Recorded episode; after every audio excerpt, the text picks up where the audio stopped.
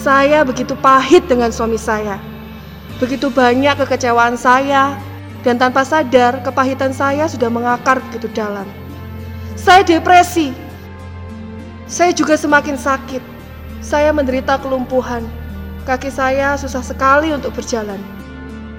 Tapi saya mendengar firman Tuhan tentang kasih Bapa yang mau mengampuni dan memulihkan hati saya yang terluka. Saya mau sembuh. Saya mau mengampuni. Malam itu, saya didoakan dan saya merasa dibebaskan dari sakit hati saya yang begitu dalam. Saya merasa kekuatan muncul di kaki saya dan akhirnya saya bisa berjalan kembali. Tuhan masih melakukan mujizatnya. Dalam siaran live YouTube Healing from Heaven, terjadi banyak kesembuhan yang ajaib. Sakit COVID disembuhkan, yang mati dibangkitkan, orang buta melihat, benjolan hilang seketika, syaraf terjepit disembuhkan, yang lumpuh pun berjalan, dan berbagai sakit penyakit lenyap seketika di dalam nama Tuhan Yesus.